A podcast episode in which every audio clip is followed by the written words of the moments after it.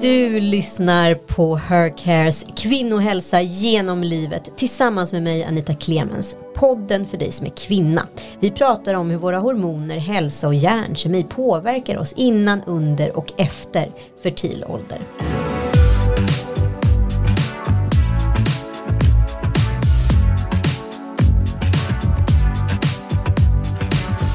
Det är många som mår dåligt helt i onödan och så finns det det som mår dåligt men utav helt fel anledning.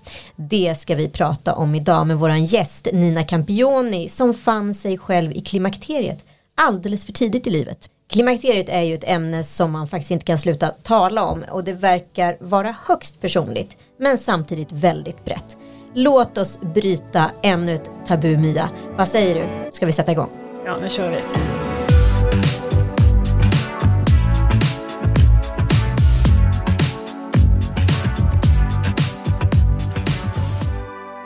Hej Mia Lundin, grundare av Hercare. Ska du berätta lite vem du är för nytillkomna lyssnare? Ja, jag är sjuksköterska, IVA-sjuksköterska i botten och har bott i USA i mm, 37 år. Jag har drivit en klinik i 18 år. Och jag har också skrivit ett par böcker. Den sista boken är Vägen till hormonell balans. Härligt och veckans gäst är ingen mindre än journalisten Nina Campioni. Kan inte du berätta lite om vad du gör just nu? Först och främst tack för att jag fick komma till den här viktiga podden. Ehm, ja, vad jag gör just nu? Jag poddar ju också. Jag har en eh, som också rör fertilitet. Vattnet går heter min podd. Så vi pratar graviditet och förlossning. Som du har varit gäst i, bland ja, annat. Det var länge sedan nu. och sen skriver jag eh, texter i Aftonbladet och ja, lite allt möjligt. Väldigt bra krönikor tycker jag personligen. Tack snälla. Kolla in dem om ni inte har läst dem. Och framförallt så lyssna på din podd. Tack.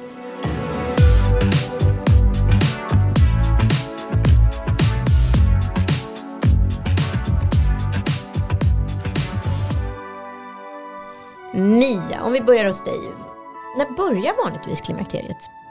Snittåldern för klimakteriet är vid 51 års ålder. Sen kan ju en del kvinnor gå igenom klimakteriet lite tidigare eller lite senare. Ja, men vad är då för tidigt klimakterie om man säger så? Ja, för tidigt klimakterie, prematur menopaus eller som man också kan kalla det prematur ovariell insufficiens. Oj, svårt. är när menopaus uppträder före 40-årsåldern. Då går den alltså under benämningen prematur menopaus. Och menopaus som uppträder mellan 40 till 45 årsåldern kallas för tidigt klimakterium. Prematur menopaus drabbar 1% av alla kvinnor före 40-årsåldern och 0,1% under 30 år och 0,01% under 20 år. Okej, vad intressant. Men eh, Nina, vad var det som hände för dig vid 39 års ålder? För det påminde nämligen om en graviditet har du sagt. Ja men precis, jag eh, var helt säker på att jag var gravid. Eh, mensen försvann, ett tydligt tecken. Eh, och alltså dels ville vi ha fler barn så vi var ju i det modet också så jag var ju liksom lite ville ju att det skulle vara en graviditet också. Men mensen försvann, jag tyckte att brösten ömmade och eh, svullnade lite. Jag kände mig också, liksom, ni vet sådär när man känner att ja, men, de här jeansen satt ju okej för en vecka sedan men nu är de lite tajtare liksom. Eh, och att det kändes som att det nästan så här rev och slet lite inne i liksom äggstockarna och alltså i den arean så att säga. Precis som så, det kan göra när man är gravid. Precis, så jag tyckte det var liksom, jag, jag sa till min man, alltså jag behöver inte ens ta något test, jag är helt säker på att jag är gravid. Och sen tog vi test på test på test och bara, vad fan, vad är det, vad är det nu liksom? Vad hände då? Um, nej men jag trodde ju att jag, om jag inte är gravid, då måste jag nog, då är jag väl sjuk då. Alltså då är det, då är det något, något som är riktigt fel på mig liksom. Eftersom jag mådde så konstigt och, och sådär. Så då var jag ju väldigt rädd, alltså att klimakteriet det fanns inte på min skala alls. Helt liksom. Men jag bokade tid hos eh, gynekolog ehm, och det vet många som har försökt få tid hos gynekolog att det inte alltid går liksom direkt. Utan man får vänta ett tag. Så då hade det väl ändå, det kanske gick två månader eller någonting då utan mens och allt så um, innan jag fick tid där och man då tog eh, blodprov och um, ja, testade mig för tidigt klimakterie helt enkelt. Eh, men vad, hur van, nu gick vi lite in på det statistiskt, men alltså hur vanligt är det att ni får in sådana här patienter och vad är de bakomliggande orsakerna? Ja, det är ju inte alls vanligt som eh, vi ser i statistiken här, men eh, de vanligaste orsakerna, man faktiskt vet man oftast inte varför det här hände tidigt. Men andra orsaker kan vara genetiska, alltså ärftliga, autoimmuna, där kroppens immunförsvar attackerar felaktiga delar av dig själv. Eh, och då kanske äggstockarna. Hysterektomi, då när man opererar bort äggstockarna. Eller kanske efter cellgiftsbehandling eller strålbehandling efter cancerbehandling. Men igen, i de flesta fall så vet man faktiskt inte riktigt varför. Men hur vet man då att man är i ett för tidigt klimakterie? Det låter ju inte jättelätt diagnostiserat. Ja, ett tydligt tecken är ju då att man inte får någon mens. Eller att den börjar glesa ut. För ibland så slutar ju inte äggfunktionen eller äggstocksfunktionen ska jag säga helt abrupt. Utan man kanske har en mens och så drar, tar det några månader så har man en till mens. Men mensen förändras och oftast då försvinner.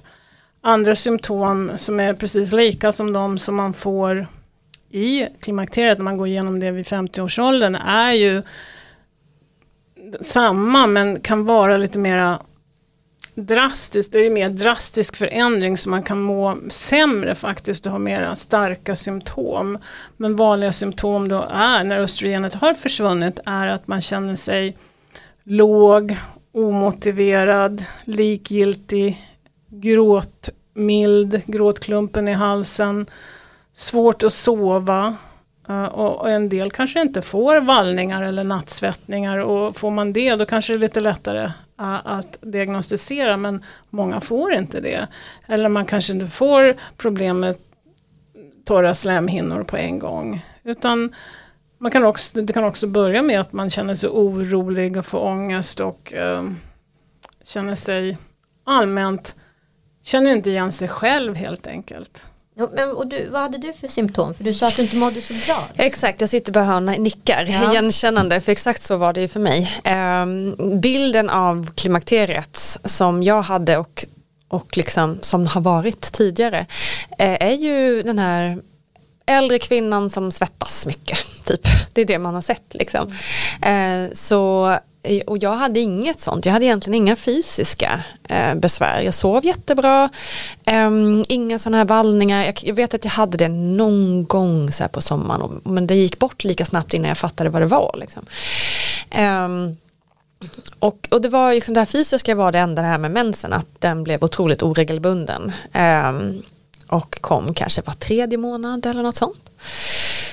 Utan det var mest det här för mig med måendet. Alltså jag, jag var helt säker på att jag hade gått in i väggen och var deprimerad. Jag fick inte den här kunskapen heller om att det var en del av symptombilden. Att man kunde, precis som du säger, in, inte känna igen sig själv, eh, gråten i halsen, jag blev väldigt stresskänslig tappade minnet, eller liksom inte tappade minnet men kände liksom Hjärndimma? Liksom. Ja, och liksom bara varför gick jag in i det här rummet? Jag skulle hämta något tror jag, men jag har ingen aning om vad. Lite det, eh, och det är också lite så här Visst, det kan ju också vara tecken. Utbränd. Precis, exakt. Så jag var verkligen så här, men jag är nog på väg att bli utbränd.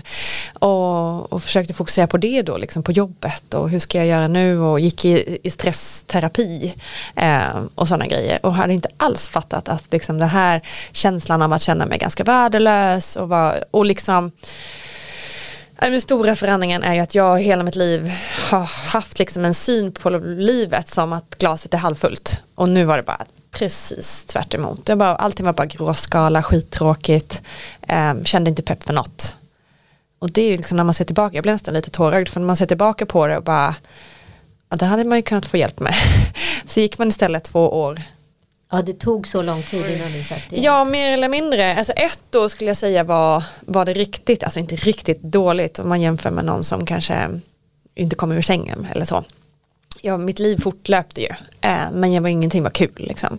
Eh, det var nog ett år ungefär. Och sen så var det ju ett helt år innan dess, där det var lite så här på gång med de här symptomen liksom, utan att man alls kanske tog notis av dem på samma sätt.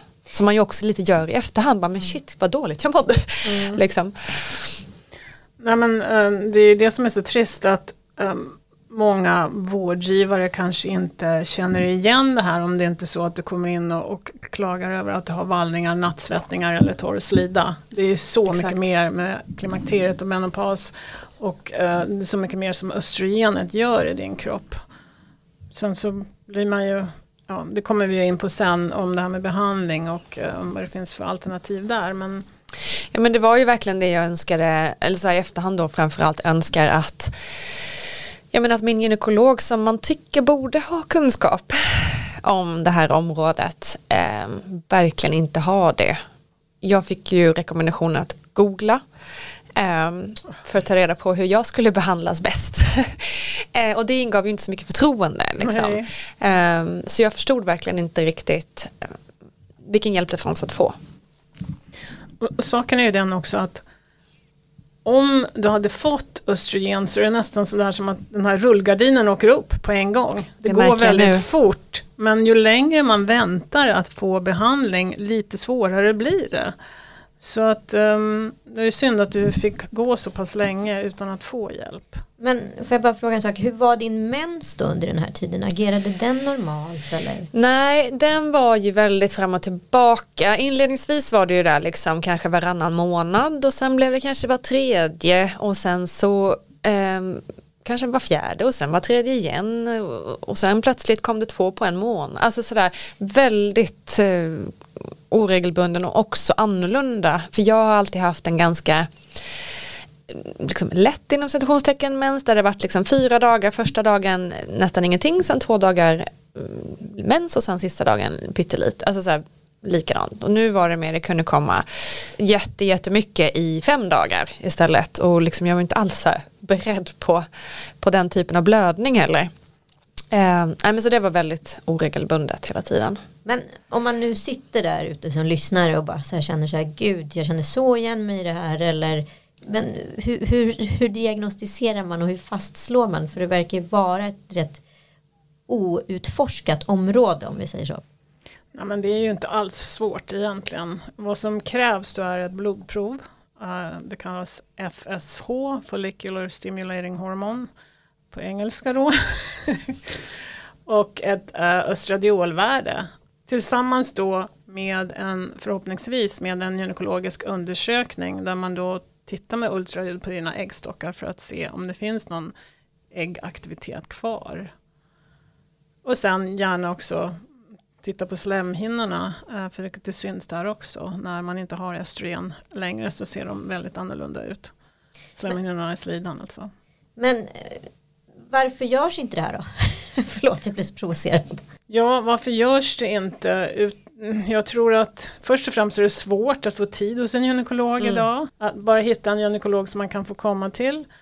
Uh, nu kommer ju också primärvården att ta över klimakteriemedicinen och det ska bli intressant att se hur det um, kommer att fungera.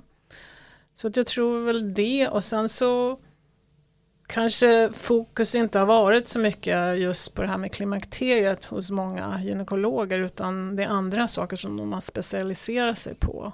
Tyvärr. Men mm. om man nu vet det här kan man då kravställa sin vårdgivare att be om de här proven? För jag tror inte så många vet om om man kan göra det heller. Ja absolut. Ja. Det tycker jag att man kan be om ett eh, FSH ett östradiol. Helst ska det tas då man har mens fortfarande dag 3 till 5. Um, men har man ingen mens så tar man ju det när man kan. Mm. Och eh, jag måste också bara säga till våra lyssnare att även om man inte bor i Stockholm så tar ju Hercare emot patienter över hela landet eh, genom videosamtal och, och, då kan du gå och göra ditt eh, test på ett lokalt provlabb på orten där du bor och sen så skickas det till Hercare så har du ett videomöte med en specialist som eh, kommer hjälpa dig med dina resultat. Jag vill eh, lägga till där att um, man börjar ju hos en sjuksköterska och det är de som utvärderar då vilken fas, hormonell fas du är i baserat på ditt hälsoformulär ehm, som du har fyllt i digitalt och dina provsvar. Sen ska du då träffa en gynekolog och oftast krävs ju då en gynekologisk undersökning speciellt för de här patienterna. Och det gör vi ju då bara på klinikbesök. Ja, precis.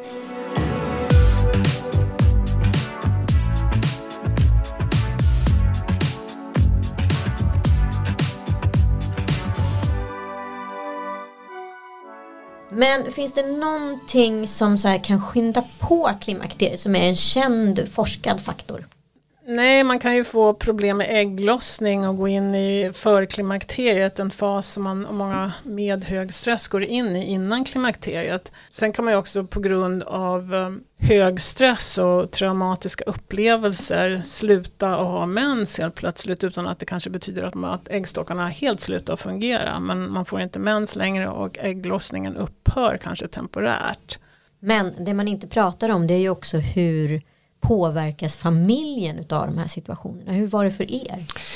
Um, men I vårt fall så var det ju främst min man som fick, inte ta stryk kan man inte säga, men liksom han fick ju min, alltså vår relation fick ju minst energi. Liksom. Det fann, vi har två barn. Um, det, min energi och, och liksom viljekraft räckte till dem. Eh, inte så mycket till att liksom vårda vår relation. Det var också Simone, min man, som eh, uppmärksammade mig på att jag, att jag kanske var deprimerad. För att, Um, ja, han sa bara så här, alltså Nina jag, jag undrar om inte du är deprimerad. Uh, och jag bara, först reagerade bara, du, va, är du helt dum i huvudet? Liksom, kunde absolut inte förstå vad han menade. Men det började liksom sätta ett frö ändå.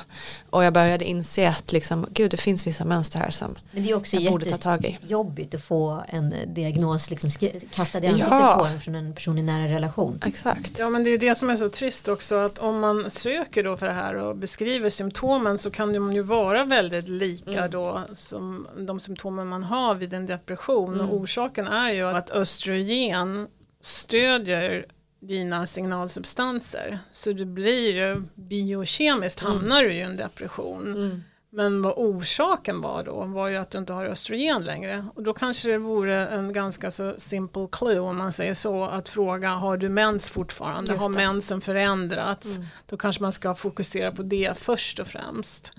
Men hur kändes det då när du fick det här K-ordet, klimakteriet, vid din ålder? Eh, Ja, men först och främst var det ju lite av en lättnad eftersom jag i mitt huvud hade tänkt att jag nog var döende. Alltså jag tror att jag ja. var sjuk ju. Um, kanske cancer eller något hade jag fått för mig. uh, ni vet hur man själv diagnostiserar sig. Så då var jag lite så här, okej, okay, jag är inte på väg att dö i alla fall. Men sen blir såklart en mental process i det att det inte blir några mer barn. Mm. Uh, och sen ytterligare ett lager i processen var ju att okej, okay, men det här är ju inte helt normalt alltså. Jag behöver kanske någon slags medicin till och med. Eh, så det är ju någon form av, jag vet inte om ni klassar det som en sjukdom ens eller hur man ser på det men den känslan lite att man ändå har fått någon form av diagnos liksom. Mm. Det var ju också en ganska så här jobbig eller är fortfarande lite jobbig. Till en början liksom why me? Liksom, mm. Världen är orättvis. Um, tills idag um, lite klarare och också med hjälp av medicinering mår jag ju mycket bättre. Um, vi kommer väl in på det sen kanske men Men hittade uh, ni rätt på en gång? Fick du rätt diagnos nej, direkt? Ja, rätt diagnos fick jag ju uh, ganska snabbt vid mitt första besök hos gynekologen. Uh, för då tog hon ju det här blodprovet, eller ja, vi, vi gjorde det där och så gjorde hon en gynekologisk undersökning. Så den fick jag ändå ganska snabbt men däremot ingen behandling utan det var ju ja men vi har den här behandlingen finns men du kan ju googla lite för att se om det passar dig. Jag är 43 strålande unga år mm. och jag var ju då 39 när den här eh, egentligen tror jag att det började ännu tidigare för att eh, när jag eh, var skulle, skulle, när vi försökte bli gravid med min son som nu är fem år eh, så hade jag först ett tidigt missfall och i det var jag också hos gynekologen som då eh, upp, liksom sa att, att min ägg, äggproduktion var låg och att det nog skulle bli svårt för mig att bli gravid. Eh, så att man inser ju nu så här i efterhand att det började ju redan för, för fler, flera år sedan än så.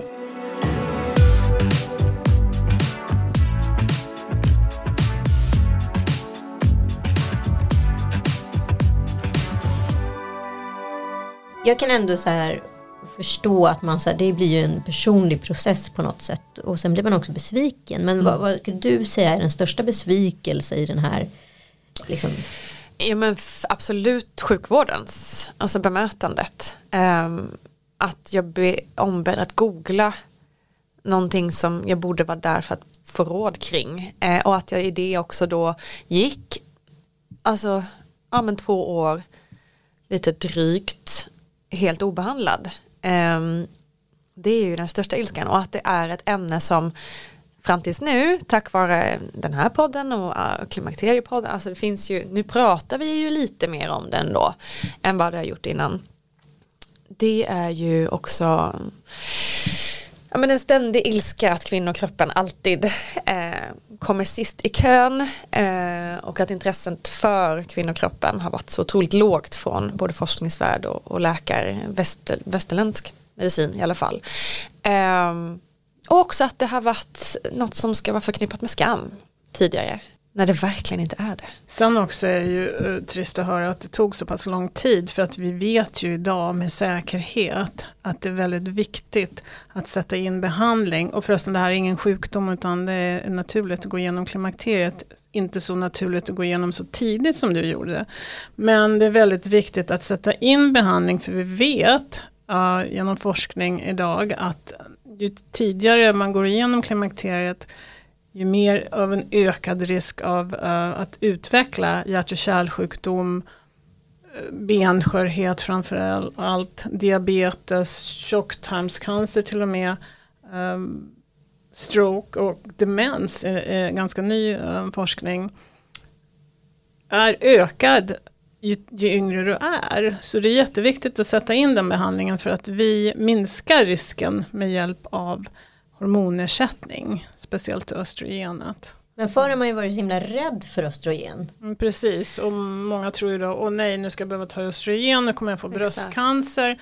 Men och det var ju det, förlåt att jag avbryter, men Ja. det var ju det som också hände mig eh, när jag blev ombedd att googla. Då googlade jag och då kom ju gärna de här alarmen om bröstcancer och de här gamla diskussionerna som varit tidigare. Mm. Och att läsa det då helt ofiltrerat eller med stöttning av någon som faktiskt vet vad de Mm. pratar om.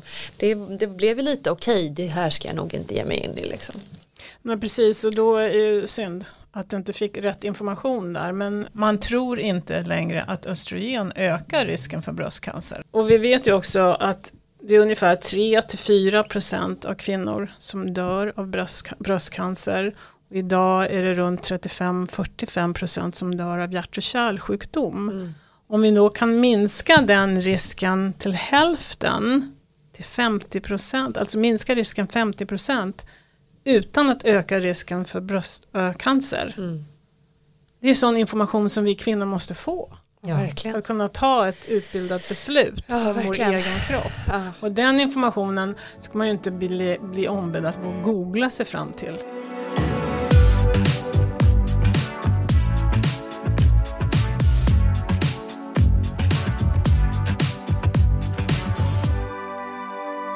Hur mår du nu och vad har hänt efter det här?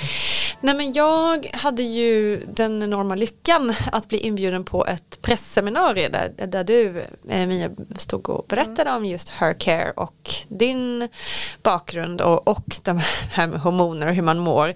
Och det är första gången som jag fick veta att det här med de här mentala symptomen eh, var kopplade till klimakteriet. Så det, jag satt där och bara hon pratar om mig. Du vet så här helt galet. Så det gjorde ju att jag direkt liksom bokade en tid hos er på Hercare. Och sen fick jag ju hjälp. Eh, och bara det att prata med någon som visste vad de gjorde. Som kunde stötta och liksom förstod vad man gick igenom. Det var ju helt makalöst fantastiskt. Och sen så har jag ju då satts i behandling efter det. Och nu, jag är ju ganska, det är inte så länge sedan, det är, jag tror att jag är inne på månad tre kanske eh, av min behandling. Och det är som att bara så här vända på boken eller vad man ska säga, hur ska man, eh, flippa, flippa hjul eller så här. Flip the coin. Ja, alltså jag mår, eh, känner igen mig själv, jag har energi, jag är pigg på kvällarna, jag tycker det är kul. Alltså kul att leva, kul att bara åka in till stan med tunnelbanan. kul. Nej, men alltså, liksom, allting har färg plötsligt. Mm, eh, det är eh, helt, helt, det är en otrolig skillnad. Må många beskriver det, av, av, patienterna beskriver det ju så att livet går från svartvit till färg. Exakt så är det. Att man liksom har lust igen. Ja. Och man är inte så pass, när det är svartvit, man kanske inte, är inte så pass, pass svart så att man kan säga att man är deprimerad och skulle ta en antidepressiv medicin. Utan det är bara där, vad är det här? Jag känner inte igen Exakt. mig själv. Ja, men ingen lust, ingen Nej, ork. precis. Liksom. Men det är inte Nej, så dåligt att jag bara sätter mig här och inte gör något. Utan jag Mm. är fortfarande igång och lever livet. Men Mm. det är inget särskilt kul. Liksom. Sen vet inte jag hur ni är som kvinnor men i alla fall jag märker ju att så här, jag sätter ju alla andra i rummet före mig själv. Och liksom kanske inte alltid är så lyhörd på mina egna signaler. Och jag fattar inte själv att jag går runt i en svartvit film innan jag får färgen där. Och hur man kommer till det beslutet. Fick, fick du hjälp hemifrån då eftersom din man belyste det här? Eller? Precis, det var ju han då som, som näm nämnde det. Och vilket gjorde att jag själv, ja men gud, jag kanske liksom efter ett tag, men jag är nog, eh, kanske är deprimerad då. Eller utbränd eller något. Så då började jag göra med den här stressterapi coachningen. Eh, vilket ju också var liksom det var ju också bra. Det var ju super på massa olika sätt. Det har ju gett mig kunskaper liksom för, Ja. för hela livet också. Ja, naturligtvis. Men eh, det har ju inte gjort, det gjorde ju inte den här effekten som det blev av, av behandlingen. Eh, det gjorde ju att jag kunde så här, mota stressen och liksom lära mig med konstruktiva sätt att hur jag liksom, liksom jag gör med jobbet men inte hjälpte egentligen inte så mycket med mitt egentliga mående. Men efter behandling nu det är liksom, ja, men precis som du sa där med gardinen som åker upp, man bara, oh, livet! Men sen är det också, vill jag lägga till också att det är, handlar inte bara om hormoner som du också såg där, att det hjälpte ju dig med den här stresshanteringen också och det är ju så vi tittar på det på Hörcare också, att vi tittar på din, dina livsfaktorer för övrigt, um, sociala, psykologiska och um, um, näringsmässiga. Ja. Det är också viktigt att titta på, och speciellt nu, att uh, verkligen jobba på att förebygga Men det där är lite, för det är liksom det här steget jag inte har tagit och det är ju det här med näringen och Mm. jag vet att ni pratar också om, eh, ja, om mat och allting Mm. sånt. Eh, Har, du- har du några snabba tips där? Nej. jo då. Ja men det vore ju bra men det finns egentligen inte några genvägar där utan det är viktigt att du istället tar dig tid nu och pratar med en näringsterapeut, Mm. kanske på Hörcare, som går igenom eh, ditt näringsstatus helt enkelt.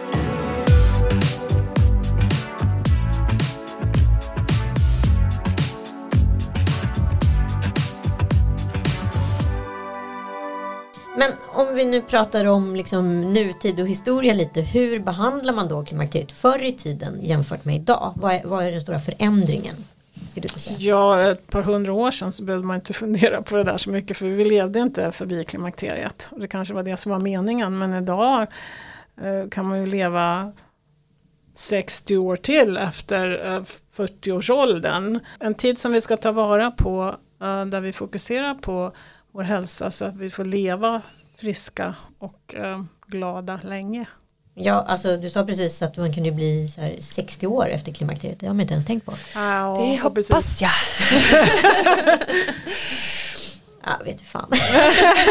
Inte kanske efter om man går igenom klimakteriet när man är 50 men om man går igenom klimakteriet när man är 40. De säger ju att de barn som föds idag kan mycket väl leva tills de är 100. Ja, det är helt otroligt. Ja.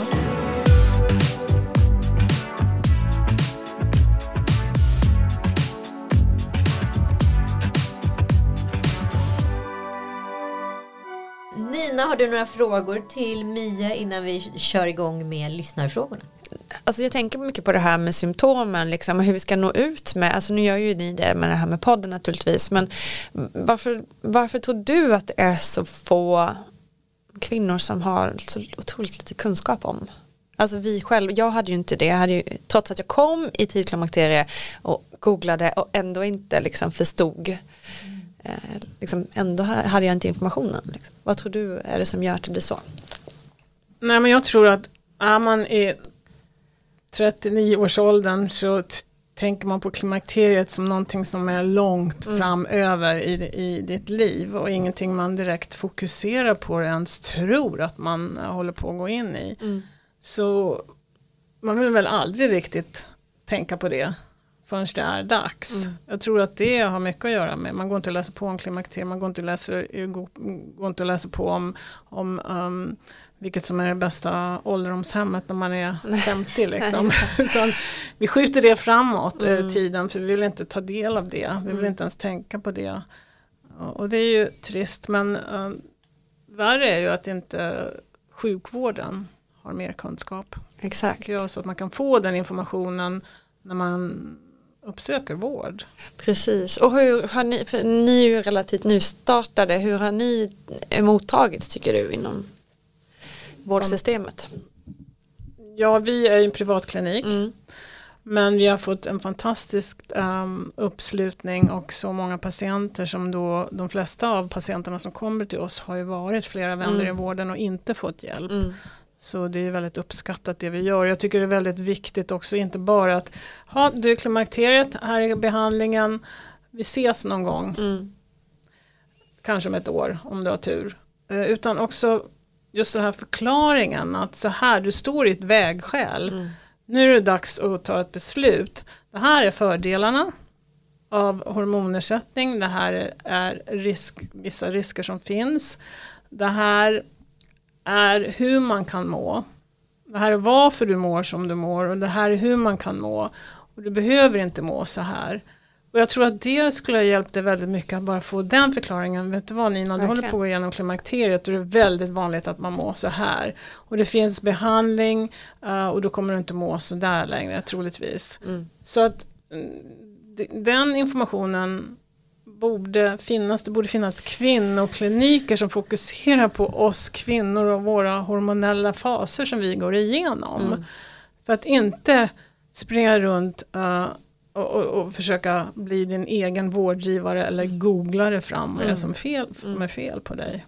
Så det, det, det är sorgligt att höra tycker jag att det är så. Det, det vill vi ändra på. Och eh, det är som att vända på en ubåt lite grann. Mm. Men vi jobbar på, vi paddlar på där. Åt höger och vänster. Så bra. Men ja, jag tycker ändå så här, det, det finaste med den här generationen som du ingår i Nina, men även du Mia, är att eh, vi förändrar ju för ändå kvinnolandskapet på ett eller annat sätt. Vi flyttar fram positionerna hela tiden. Och ju mer ansvar och kunskap vi kan få om våra kroppar, desto mer kan vi hjälpa kommande generationer. Så Mm. vi får ge oss alla en klapp på axeln att vi faktiskt sitter där och gör skillnad. Verkligen.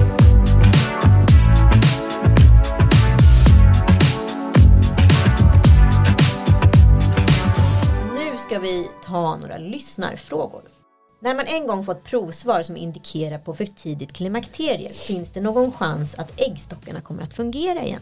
Ja, den chansen är väldigt liten. Men jag har, jag har jobbat med det här i över 35 år och träffat de här patienterna som med hormonella obalanser.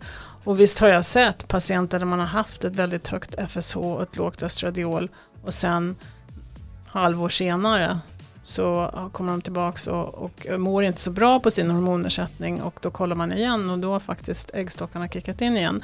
Men det är inte alls vanligt. Men hoppet finns. Ja, men det är också lite farligt att inge hopp när man verkligen har gått igenom en för tidigt eller prematur menopaus eller för tidigt klimakterie och är kanske 35-årsåldern och inser att man kanske inte kommer att kunna bli gravid. Det är en enorm sorg att gå igenom. Så att man ska inte heller inge något hopp om att det, det finns chans fortfarande för då blir det ännu jobbigare, jobbigare för en del. Ja. Så det är väldigt ovanligt.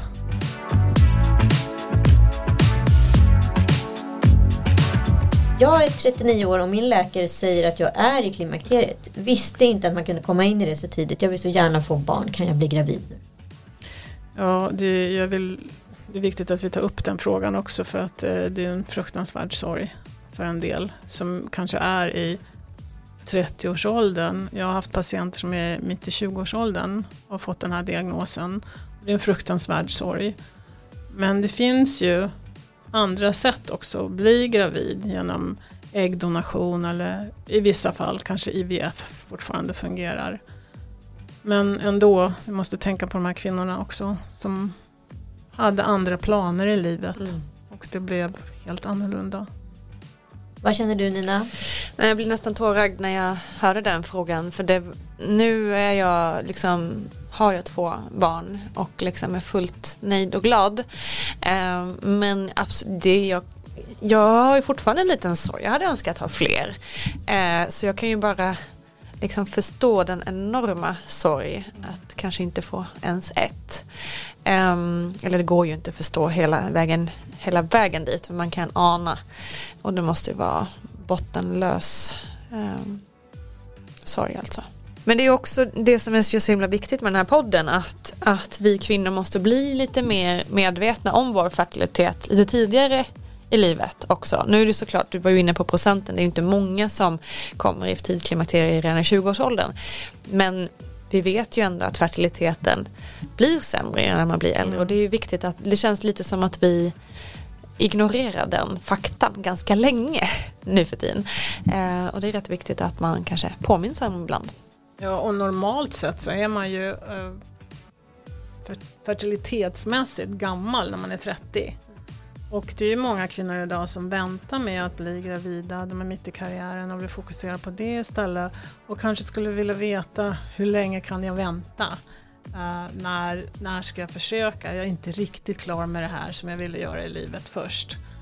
Och det är inte lätt, um, det går ju att kolla. Man kan ju utvärdera sin hormonella status om man går och har de funderingarna. Mm. Ja, men det hänger också upp med samhället i, i stort. Liksom. Mm, du flyttar absolut. kanske inte hemifrån förrän du är 23-24 idag och då ska du på de sju åren både träffa man och skaffa mm. barn mm. för att vara på säkra sidan. Mm. Mm. Eh, så att så här, och, hin ja. och hinna leva och hinna göra karriär och plugga. Och, ja. Nej, så det känns ju som att det är en, det är en krock, sandwich-generation här. Vi får bara hoppas på att eh, forskningen kan ge mer insikt och kunskap och kanske hjälpa oss på vägen framåt i framtiden. Tack snälla Nina Campioni för att du kom och tack Mia Lundin för att du var här och var expert i podden. Jag vill också passa på att tacka Hercare och vill man veta mer ska man alltid besöka hercare.se eller följa på Instagram. Och vill du boka tid eller ha koll på din cykel så kan du ladda ner Hercare-appen. Tack för att ni har lyssnat.